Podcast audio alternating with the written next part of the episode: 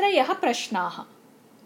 एकं लघुराज्यं तत्रत्यः राजा बहुदिनेभ्यः चिन्ताक्रान्तः आसीत्। तस्य चिन्तायाः कारणम् आसीत् प्रश्नत्रयं ते च त्रयः प्रश्नाः एवम् आसन्। प्रथमः प्रश्नः सत्कार्यं कर्तुं कः कालः उचितः? इति। द्वितीयः प्रश्नः महत्कार्यं किम् इति। तृतीयः च सर्वस्मात् उत्कृष्टः कः इति च। मन्त्रिमण्डलस्य सर्वे मन्त्रिणः पण्डिताः च महाराजस्य प्रश्नानाम् उचितस्य उत्तरस्य दाने विफलाः जाताः। राजधान्याः अनतिदूरे कश्चन आश्रमः आसीत् तत्र कश्चन साधुः निवसति। तं साधुं विचार्य उत्तरं ज्ञास्यामि। इति चिन्तयित्वा महाराजः तत्र गतवान्। महाराजस्य आश्रमप्रवेशसमये साधुः सस्यानाम् आलवालनिर्माणे मग्नः आसीत्। महाराजः भक्त्या साधुं नमस्कृतवान्। ततः स्वीयान् प्रश्नान् पृष्टवान् साधुः मौनी एव आसीत्। कार्यमग्नः च आसीत्। महाराजः चिन्तितवान्।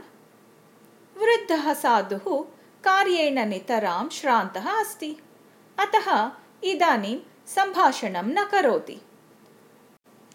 पश्चात् एकत्र उपविश्य शान्तचित्ततया उत्तरं ददाति। इति ततः सः साधोः समीपं गत्वा खनित्रं स्वीकृत्य तस्य कार्ये सहाय्यं कर्तुम् आरब्धवान्। किञ्चित् कालानन्तरं साधुः श्रान्तिनिवारणार्थं समीपस्थायाः शिलायाः उपरि उपविष्टवान्। महाराजः पुनः प्रश्नानाम् उत्तरं प्रार्थितवान्। तदानीम् एव कश्चित् धावन् साधोः अभिमुखम् आगतवान् दृष्टः।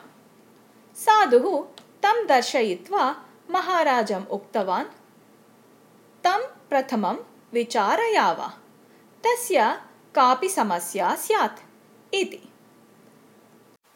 अपरिचितस्य तस्य देहे अनेके व्रणाः आसन्। रक्तं स्रवति स्म। सः अतीव भीतः इव भासते स्म। सः समीपम् आगत्य मूर्छावस्थायां पतितवान्। साधुः जलम् आनीय सेचनं कृतवान्। राजा स्वेन धृतम् उत्तरीयमेव जले क्लेदयित्वा तेन तस्य शिरसि बन्धनं कृतवान्।